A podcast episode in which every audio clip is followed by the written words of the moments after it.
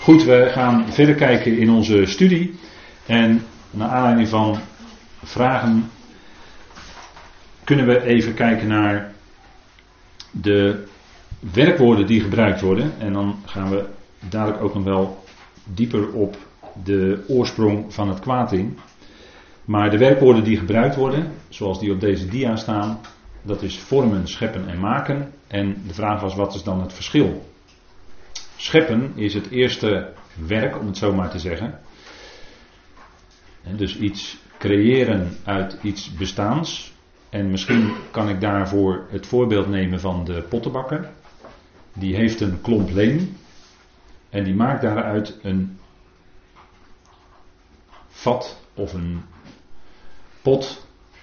En dat schept hij eerst door uit die klomp leem eerst een uh, vat te maken.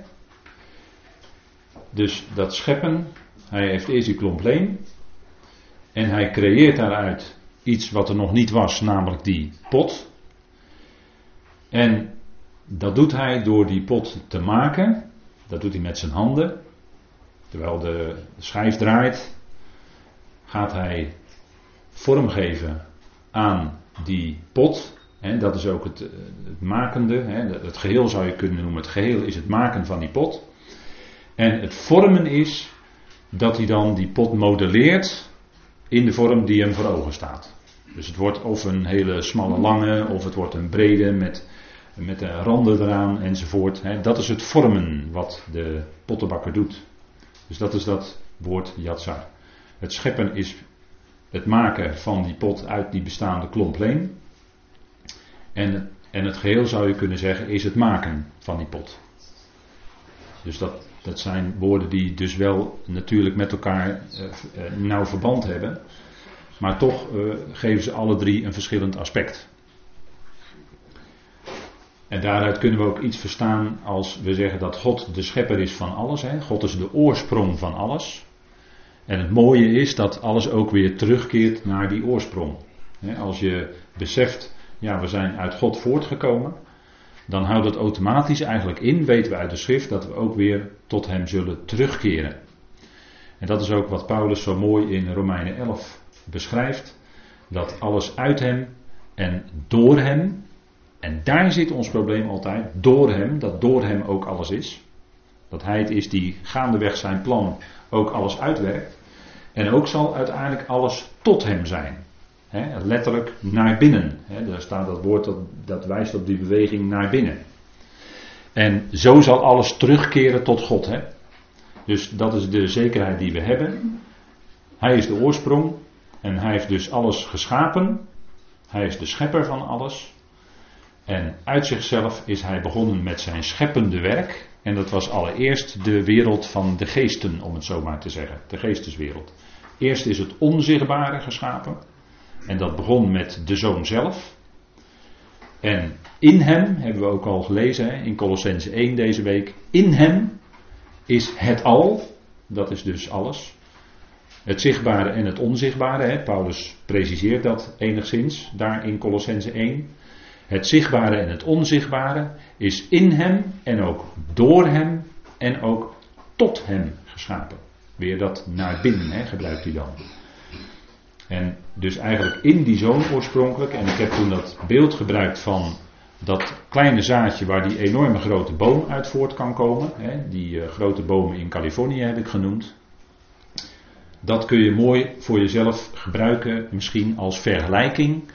Hoe vader eerst alles in de zoon van zijn liefde heeft geschapen. En ook maar ook door hem en tot hem. En Colossens 1 gaat dan verder, dat ook door hem, door die zoon van zijn liefde, het al, dat is al dat geschapene, dat wijst de context uit. Al dat geschapene, dus ook het onzichtbare, dus ook die hele onzichtbare wereld, die geestenwereld, ook dat, ook die zullen allemaal met God verzoend worden. Doordat hij vrede maakte door het bloed van het kruis. En dus door hem, door die zoon van zijn liefde, wordt alles zo teruggebracht naar de Vader. En dan is Colossense een machtig hoofdstuk hoor. Colossense is gewoon uniek, is weergaloos. Want er wordt, wordt, er wordt Gods plan eigenlijk in één hoofdstuk, in eigenlijk enkele versen beschreven. Nou, dat kan Paulus alleen maar doen als hij door Gods geest geïnspireerd is. Door God geïnspireerd is. Hè.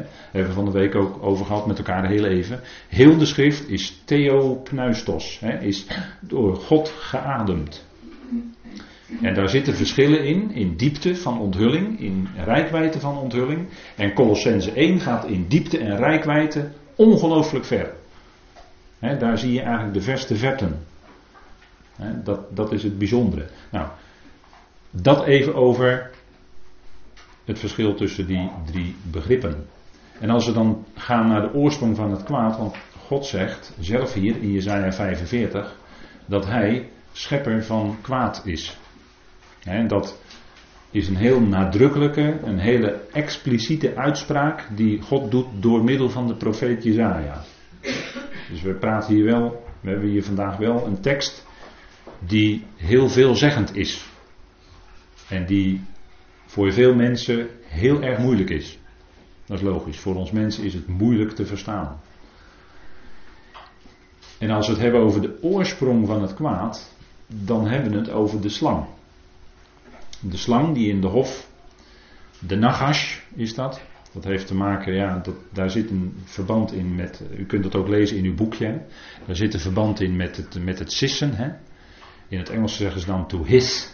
Daar, het Hebreeuwse woord dat betekent to his. En u hoort dan het sissen al. Uh, daar zit een verband mee hè, met het woord nagash. En die slang die misleidde de mens, zodat de mens at. En het stervensproces deed zijn intrede, waardoor de mens ook zondigde. want het zondigen van de mens is bij ons mensen als nakomelingen van Adam, zit hem in het feit dat wij stervend zijn. En daarom schieten wij tekort. Wij missen, dat is het woord voor zondigen eigenlijk, wij missen de heerlijkheid van God vanuit onszelf. Wij zondigen.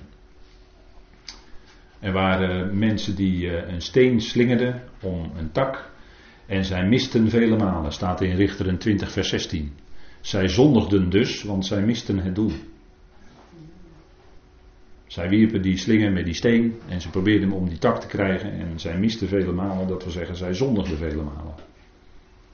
En hier zien we, als we het hebben over de oorsprong van het kwaad, zien we in Job 26, dat is een bijzondere uitspraak. En misschien kent u die nog wel van, oh ja, jaren geleden hebben we die tekst ook wel eens een keer besproken. Ja, want hier staat eigenlijk de oorsprong, hè? waarin God tegen Job zegt, door zijn geest, en dan gaat het over God, werden de hemelen prachtig gemaakt. En dat is ook als je opkijkt naar die hemelen, dan is dat eigenlijk fantastisch hè, wat je dan ziet. Dan kom je onder de indruk. Hè. Door zijn geest werden de hemelen prachtig gemaakt. En zijn hand leed pijn. Hè, er staat een Hebreeuws woord dat heeft te maken met doorboren, met verwond worden, met pijn lijden. Het heeft ook een kant van de geboorteweeën. En die zijn pijnlijk. Met de voortvluchtige slang. Dus hier wordt eigenlijk in deze woorden wordt eigenlijk weergegeven het voortbrengen, hè, en dat ging met een zekere pijn gepaard, van de voortvluchtige slang, de oorsprong van de tegenstander. En bij de tegenstander, die dus door God werd gecreëerd, werd geschapen als tegenstander, daar zit eigenlijk de oorsprong van het kwaad. Die tegenstander kan niets anders doen dan tegenstaan, dan tegenstander zijn. Zo is hij geschapen. En daarmee heeft God zijn doel niet gemist. Want dat schepsel moet doen waarvoor die geschapen is. Namelijk tegenstaan. En dat is wat wij kennen als. Uh, en wat, uh, wat we kennen als een kwade macht, inderdaad. Een kwade macht. En er staat nog zo'n voorbeeld, en dat is in het boek Samuel. dat er een. En dat is bijna, ook voor de vertalers was dat bijna niet, niet te doen.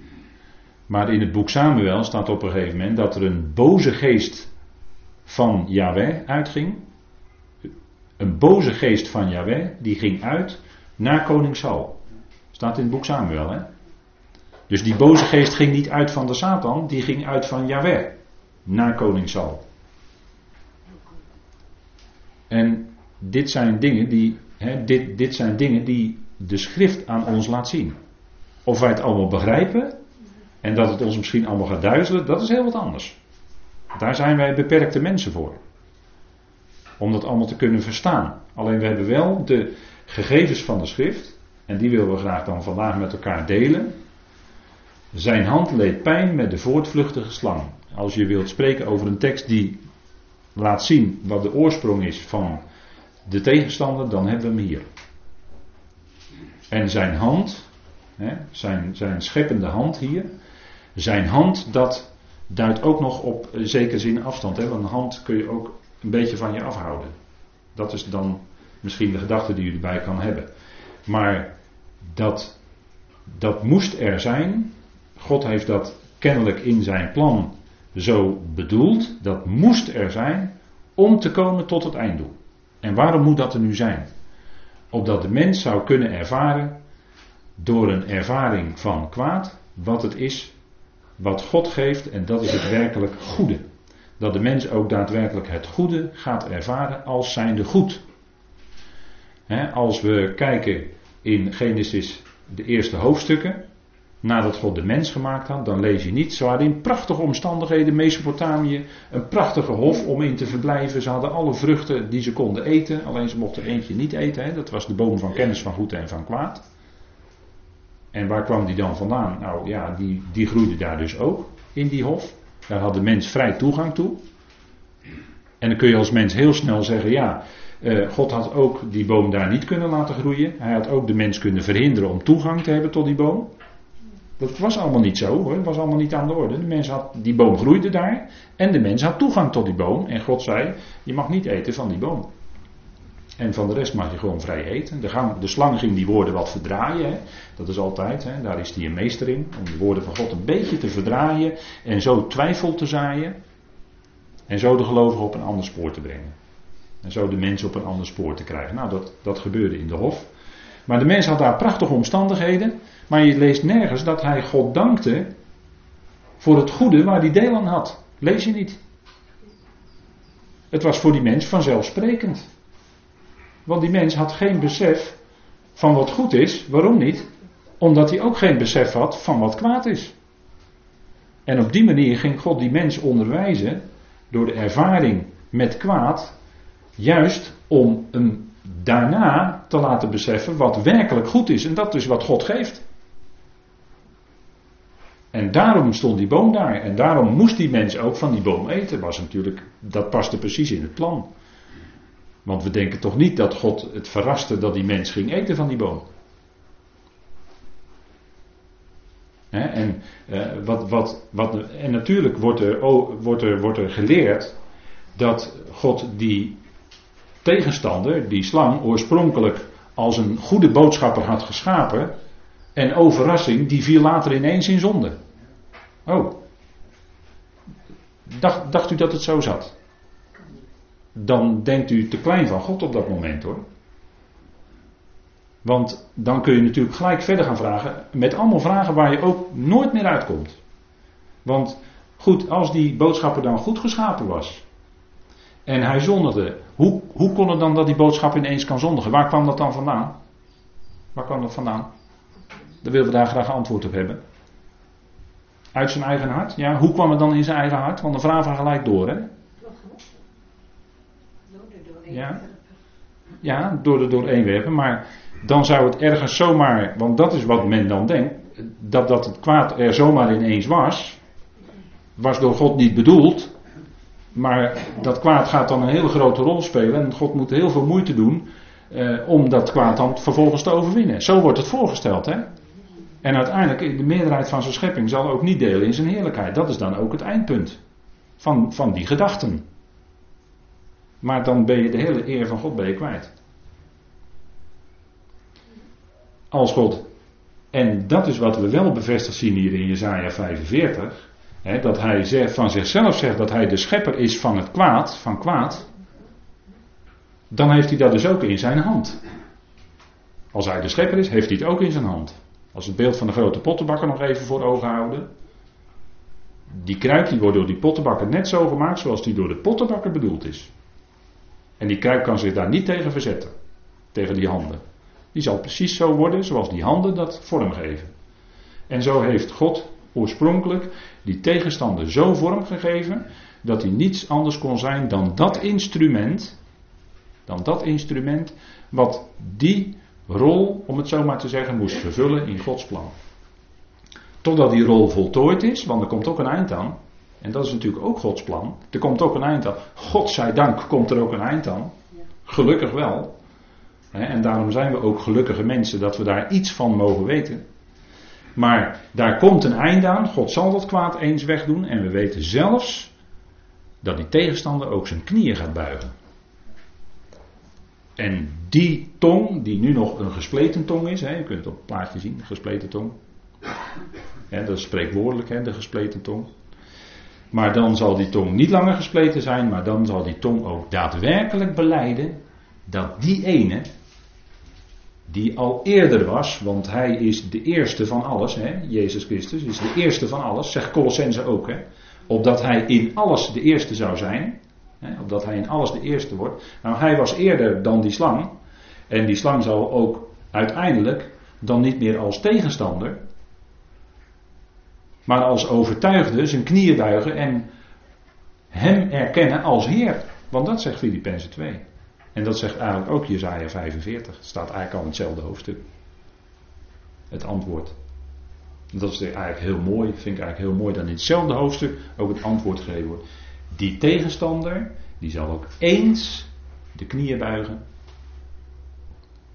en met de geest kun je natuurlijk niet over knieën uh, spreken, natuurlijk, uiteraard. Maar die zal zijn knieën buigen en die zal beleiden. En dan weten we dat het eigenlijk bedoeld wordt van harte beleiden dat Jezus Heer is. Ook overtuigd, want die past ook binnen die verzoening van al die onzichtbare machten en krachten waar Colossense 1 over spreekt. Daar valt die tegenstander ook onder.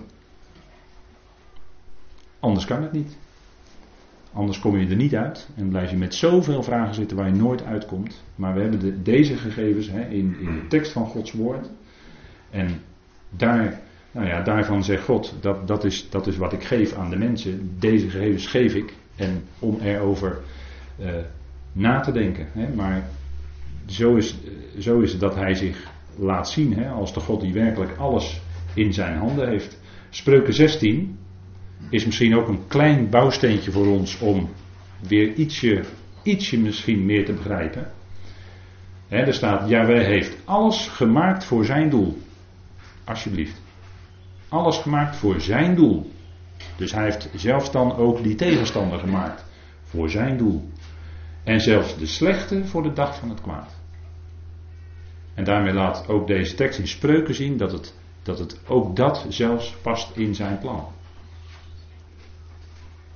Maar wij kijken naar het proces. Wij kijken naar wat er gaande is, wat er nu gebeurt en wat er gebeurd is in het recent verleden. En daar hebben we heel veel moeite mee. En dat is logisch dat we daar heel veel moeite mee hebben. Maar dat is nog steeds het proces. En we moeten het proces waarin God zit, hè, de gang die Hij doet door zijn plan van de eonen heen, dat proces, hè, dat door Hem, moeten we niet verwarren met het tot Hem. We moeten niet het proces verwarren met het einddoel. Het einddoel van God is dat Hij alles in alles zal zijn. Dat is het ultieme goede. En dan is er geen sprake meer van kwaad. Maar dan zullen we dat ook gaan ervaren als, ja, dit is werkelijk goed. Dit is werkelijk goed. Alles wat ademt heeft, zal de Heer loven en prijzen. Ja, dat is werkelijk goed en daar gaat het naartoe. Maar dat dat ook werkelijk zo ontzettend goed is, kunnen we alleen maar beseffen als zijnde goed door die ervaring met het kwaad.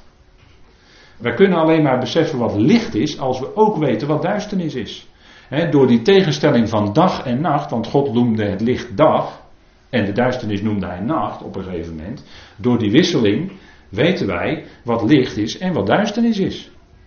En dat je licht nodig hebt om te kunnen zien. dat je licht nodig hebt om ergens naartoe te kunnen lopen. Anders stoot je je overal aan. En dat geldt natuurlijk ook in geestelijk opzicht. en uh, en dan, dan zijn er natuurlijk nog meer. Hè. Uh, we hebben een ervaring van wat het is om uh, gehaat te worden. Opdat we ook de ervaring zullen hebben wat liefde is. Zonder haat weet je ook niet ten diepste wat werkelijke liefde betekent. we hebben vanmorgen in de dagopening gehoord allerlei facetten die te maken hebben met Gods liefde. Kregen we alles even zo op, heel mooi op een rij aangereikt. En in de tegenstelling, dus, dus de afkeer, de haat enzovoort, daarin zie je hoe geweldig die liefde van God is. dat God zelfs zijn vijanden zal weten te overtuigen, zijn vijanden zal maken tot vrienden. En hij gaat net zo lang door totdat dat een feit is.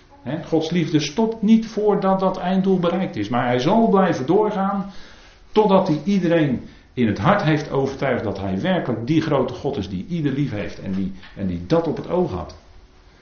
En, en zo kan Javert zeggen inderdaad dat hij alles gemaakt heeft voor zijn doel en zelfs die slechte voor de dag van het kwaad. De dag van het kwaad, die dagen die wij maar zo moeilijk kunnen doorgronden begrijpen. En, en dat we als gelovigen dan zeggen, vader, vader, moet, moet het nou langs die weg? Moet het nou langs die weg? Maar waar ik in de eerste helft ook al even over sprak, was die belangrijke betekenis die het kruis heeft in Gods plan, en waar Paulus dan ook zoveel over spreekt, als enige apostel eigenlijk veel over spreekt, is het kruis niet juist een antwoord, want wat werd daar een enorm kwaad gedaan, doordat men de zondeloze zoon aan de vloekhout nagelde. De enige die dat nou niet verdiende was hij. En hij overkwam het. Dat was een groot kwaad wat gedaan werd. dat is één van de kanten waarop je naar het kruis kan kijken. Heeft natuurlijk heel veel facetten, maar dit is er één van. En deze is echt voor ons nu vandaag dan belangrijk, denk ik. Om daarnaar te kijken op die manier. Het kruis was een groot kwaad. En het, en het werd nog door zijn eigen oogappel, werd het bewerkt, hè, doordat ze hem overleefden in de handen van de Romeinen. Dat moest ook gebeuren, omdat heel die mensheid erbij betrokken was. Hè. Zowel zijn eigen volk als de Romeinen. Dus heel die mensheid was erbij betrokken. Hè, en, en, en Pilatus zei niet voor niets, zie de mens. Dat was eigenlijk ook, zie de mensheid. Zie waartoe de mensheid in staat is in hun afwijzing van God. Dat ze zelfs ertoe komen om die zonderloze zoon aan het kruis te nagelen. Waarmee ze Gods hart krenkte tot en met hoor. Dit is mijn geliefde, mijn zoon. Luister naar hem. In hem heb ik mijn welbehagen. En die werd aan het kruis genageld. Dat is een groot kwaad. Maar ook dat was een noodzakelijk kwaad wat er moest zijn in Gods plan. Om zijn einddoel te kunnen bereiken. En dat is het punt hè. En dan zien we dat, dat zelfs dat enorme kwaad zo'n enorm belangrijke functie heeft zo'n enorm belangrijk middel is in Gods plan om tot zijn doel te kunnen komen. En dan, kijk, en dat zijn dus zaken die we wel eens uit het oog verliezen als we over deze dingen nadenken. En we weten allemaal voorbeelden te noemen van de meest verschrikkelijke dingen die mensen elkaar aandoen. En dat is ook verschrikkelijk. En daar willen we eigenlijk ook helemaal niks mee te maken hebben. Natuurlijk niet. Integendeel zelfs. We willen, willen er zijn voor de naaste. We willen onze naaste lief hebben, toch? Nou, dan willen we niks te maken hebben met, met het kwaad wat mensen elkaar aandoen. Maar dat het gebeurt en je leest erover, dat is verschrikkelijk. En dat kun je niet doorgronden, kun je niet begrijpen dat mensen zo ver kunnen komen. en, en, maar is het niet zo dat uh, als we ook nadenken over, als we weer even terugkeren bij dat kruis, wat gebeurde daar? en vanmorgen trof mij dat, dat Ed dat even zei in de dagopening dat, dat, dat het ergste wat je een ander aan kan doen is iemand om het leven brengen, iemand vermoorden. En dat hebben ze gedaan met de zoon. Dat was het ergste, de ergste vorm van afwijzing. Geen, de ergste vorm van geen liefde, om het zo maar te zeggen. En dat hebben ze bij hem gedaan. En wat deed God? Hij deed die mensheid niet juist zo weg. Maar hij wekte zijn zoon op uit de dood. Dat was het antwoord. En ik denk ook dat daar een stuk antwoord in ligt. als, en, en, en, en natuurlijk, dat, dat, dat, dat weet men in zijn volk Israël ook. Dat weten de rabbijnen dat er in, de, in, in Jezaja en in Hosea wordt gesproken over de opstanding. dat het volk weer zal opstaan. Jezaja, wat is het? Jezaja 5, 26. Hosea 13, wat door Paulus geciteerd wordt. in, in 1 Korinthe 15. Dood, waar is je prikkel? Dood, waar is je overwinning? Nee, de dood heeft niet het laatste woord. God heeft het laatste woord. En dat is leven. Leven voor iedereen uiteindelijk. En daarin zit het antwoord. En daarin zit ook een, geweldig antwoord, denk ik, op, op de verbijstering waar wij soms in zitten en, en in kunnen blijven zitten over dingen die gebeurd zijn. Maar daarin zit toch uiteindelijk het antwoord: God zal doen leven. En dat, dat is je troost. dat is die verandering die God gaat geven in de toekomst. Leven. En daar putten wij troost uit. Dat het daar naartoe gaat. En daarom geeft deze geweldige boodschap dat God uiteindelijk alles echt in allen zal zijn. Deze boodschap geeft antwoorden. Dat geeft antwoord aan mensen. Dan heb je echt het antwoord op heel wat vragen. En natuurlijk blijven er nog heel veel vragen liggen, natuurlijk. Waar je misschien tijdens je leven niet uitkomt. Maar daar zul je te zijn tijd ook antwoord op krijgen. Daar ben ik zo diep van overtuigd.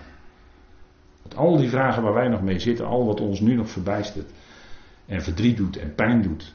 Daar zullen we antwoord op krijgen. En de heerlijkheid zal ook veel en veel groter zijn dan wij nu vermoeden. Paulus eh, gebruikt superlatieven. Hè, als het daarover gaat. En dan zullen we het uiteindelijk dan, hè, als we het hebben over licht. Hè, licht. Uiteindelijk zullen we alles in het juiste licht kunnen zien. Maar we hebben nu al geweldig veel licht door het evangelie. Hè, door het goede nieuws wat we ook vandaag met elkaar bespreken. Hè. Als we nadenken over het kwaad, dan is er ook tegelijkertijd goed nieuws. Dat is het evangelie wat, wat de apostel Paulus mocht brengen. Daar zijn we, dan denken we daarover na. En kijk, als God de oorsprong van het kwaad is, God is zelf verantwoordelijk voor het kwaad en de duisternis in zijn plan. Wij, wij mogen God daarvoor verantwoordelijk houden, want Hij is degene die die verantwoordelijkheid ook kan dragen als enige. En het kruis geeft dus antwoorden. Hè? Wat daar gebeurde, dat geeft antwoorden. En, en het is natuurlijk kruis en open graf. Zeker open graf, ja, leven. Dat, dat is, daarin zit het antwoord natuurlijk. Maar dat kruis, dat was het noodzakelijk kwaad in Gods plan. Dat het door die diepe weg van lijden heen moest gaan voor de zoon. Maar daarna is het ook heerlijkheid. en uh, ja, dan ga je zien het bredere perspectief. en ook wat God van zichzelf zegt hier in Jezaja 45. Ja, dat is toch ja, het is heel wat inderdaad. Het is heel wat wat hij zegt. Het is heel veel. Maar als je dat in het perspectief van Gods woord, van Gods plan kan zien, dan, dan heb je ook antwoorden. Goed, dan gaan we nog even met elkaar lezen in, uh, op bladzijde 26 van ons boekje. Licht en duisternis ziet u daar staan, midden. Goed en kwaad. Yahweh openbaart zich hier bij monden van Jezaja als schepper en maker, niet alleen licht en goed, zaken die ons zeer welgevallig zijn, maar ook van hun tegenhangers, duisternis en kwaad. Zaken waarvan wij gruwen, en toch is dit feit al in de eerste hoofdstukken van Genesis te vinden. Want nadat Yahweh Elohim de mens uit stof van de aardbodem had gevormd en leven ingeblazen, plantte hij in de Hof van Eden, naast de boom van het leven, ook de boom van kennis van goed en kwaad. Net als licht en duisternis al op de eerste dag van de herschepping van de wereld geschapen zijn, waren goed en kwaad ook reeds gemaakt. Ook al hadden de eerste mensen daar nog geen kennis van. Goed, tof, strookt met Gods bedoelen, met zijn plan. In de schrift zijn talloze voorbeelden te vinden van goede daden waarmee men feitelijk zondigt en kwade daden waarmee men feitelijk goed handelt. Alles precies zoals God had voorzien. Denk bijvoorbeeld aan de daden van Jacob. Daar hebben we met elkaar deze week ook al iets van gezien. En aan de daden van de broers van Jozef. En de draagwijte daarvan. Dat is ook zo'n geschiedenis, hè? Jozef. Die later zegt, als hij terugkijkt met zijn broers, hij heeft zich aan zijn broers bekendgemaakt.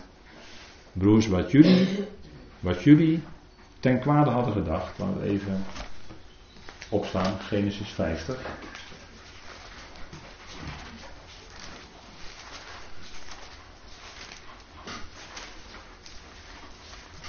Genesis 50.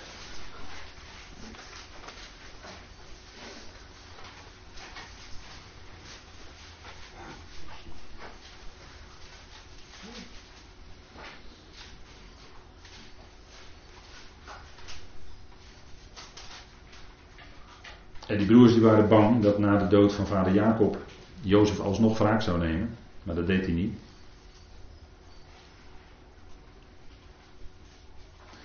Jozef zegt dan in vers 19 tegen zijn broers. Jozef zei erop tegen hen: Wees niet bevreesd. Want sta ik soms op de plaats van God. Jullie weliswaar, jullie hebben kwaad tegen mij bedacht. Maar God heeft dat ten goede gedacht. Om te doen zoals het op deze dag is: een groot volk in leven te houden. Nu dan, wees niet bevreesd. Ikzelf zal jullie en jullie kleine kinderen onderhouden. Zo troostte hij hen en sprak hij naar hun hart.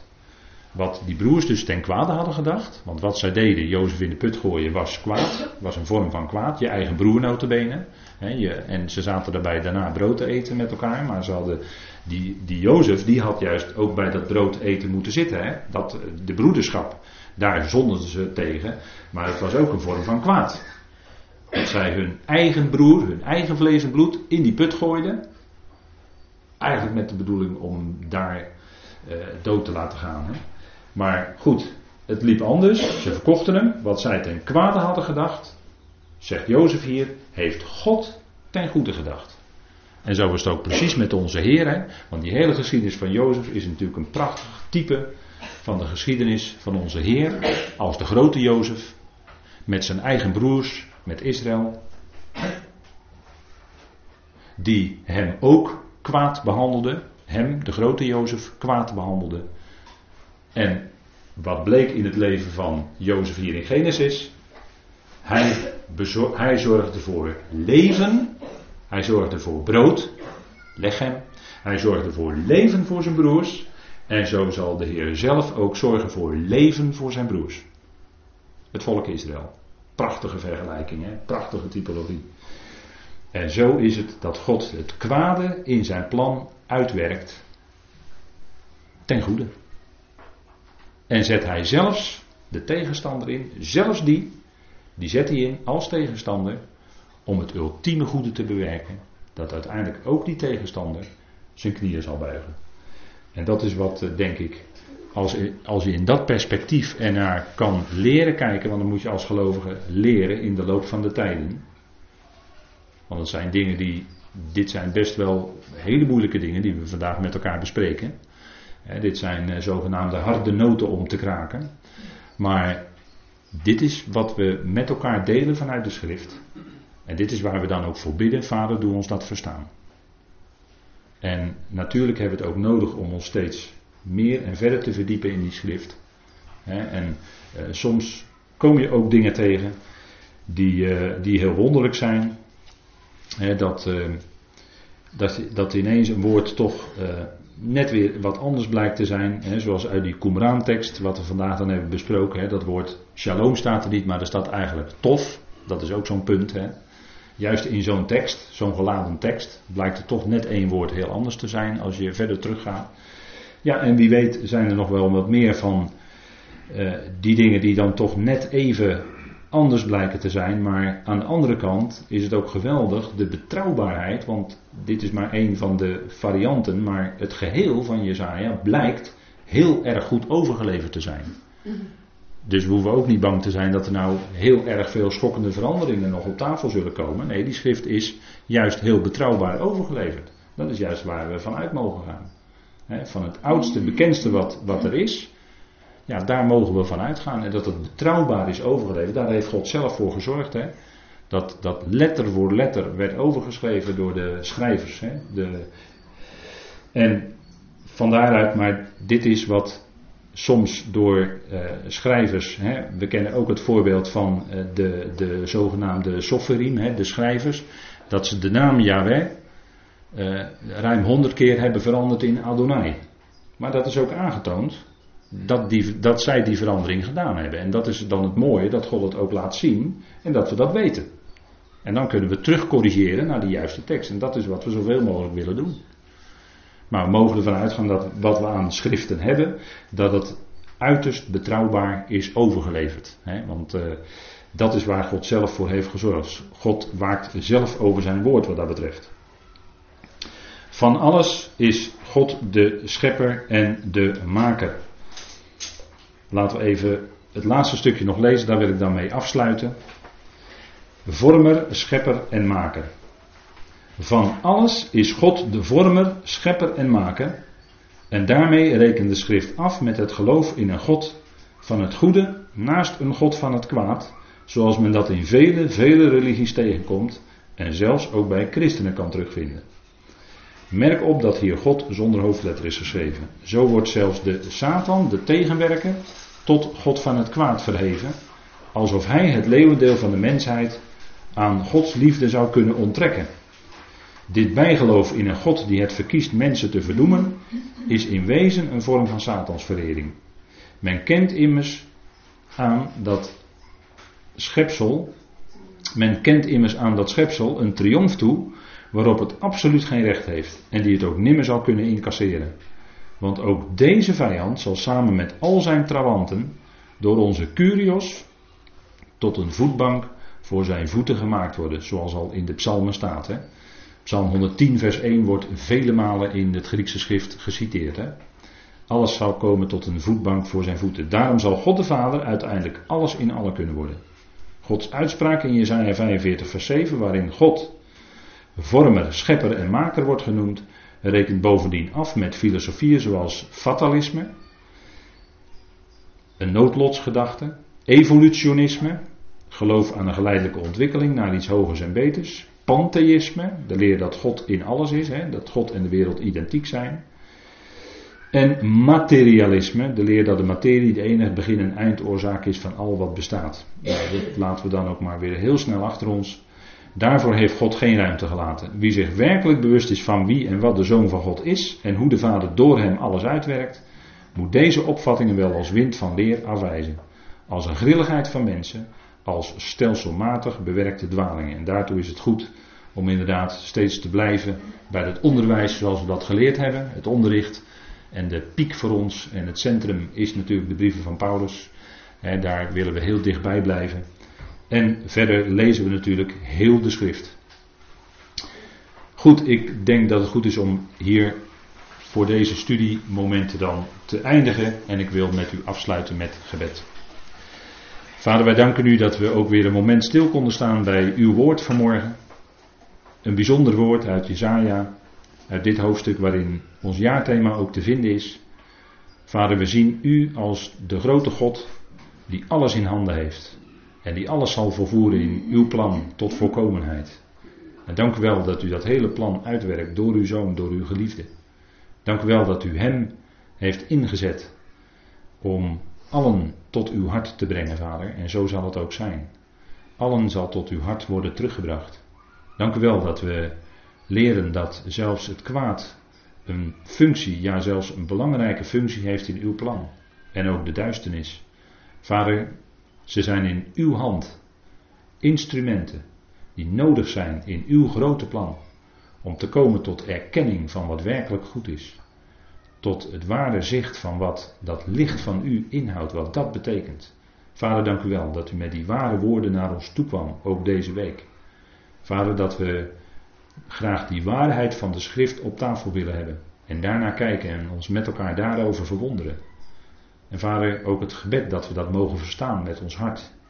Vader, geeft u het begrip, geeft u wijsheid, geestelijke wijsheid. Vader, zodat we als gelovigen inderdaad het geestelijke met geestelijke woorden kunnen vergelijken. Vader, en zo dieper doordringen in wat werkelijk van u is, wat geestelijk is. En gaan onderscheiden, Vader, wat het verschil is tussen ziel en geest. Vader, dat we daadwerkelijk steeds meer op die geestelijke dingen gericht mogen zijn als gelovigen. Dat we groeien in dat geloof. Vader, dank u wel dat u dat geeft. Vader, dat we daartoe dat woord ook mogen uitgieten. En dank u wel dat u het bent die de groei geeft. Vader, we danken u daarvoor. We danken u voor deze week dat we hier vijf keer met elkaar konden nadenken over dat jaarthema. Vader, wat toch zo ver reikt en zo diep gaat, wat zoveel over u laat zien. Dank u wel dat u zichzelf onthult in uw woord. En dank u wel dat we zo Vader, in alle rust hier konden samen zijn. In alle rust deze woorden konden overdenken. Dank u wel, Vader, voor alle mogelijkheden die u daartoe wilde geven. Vader, en dank u wel dat we mogen opzien naar u. Vader, voor de toekomst. Die toekomst is voor ons onzeker als het gaat om morgen en overmorgen, maar het is in uw hand. We zijn te allen tijden voor uw rekening. U heeft ons lief. U draagt ons. U troost en bemoedigt ons. Vader, dank u wel dat het ook vele troostrijke woorden waren die deze week uit uw woord naar voren kwamen. Dank u wel dat u ons dat zo heeft gegeven. En dank u wel dat we hier zo met elkaar, oud, ouder en jong, mochten nadenken over deze woorden van u. Even, even geleden uitgesproken. En vandaag aan de dag hebben ze nog volle kracht. Vader, we danken u daarvoor. We danken u voor die zegen die daarvan uitgaat. Voor de heerlijkheid van u en uw woord. Vader, dank u wel dat we elkaar daarmee mogen bemoedigen. Met die toekomst die u geeft. Vader, we danken u. Wij loven en we prijzen u daarvoor. In die machtige naam van uw geliefde zoon. Amen.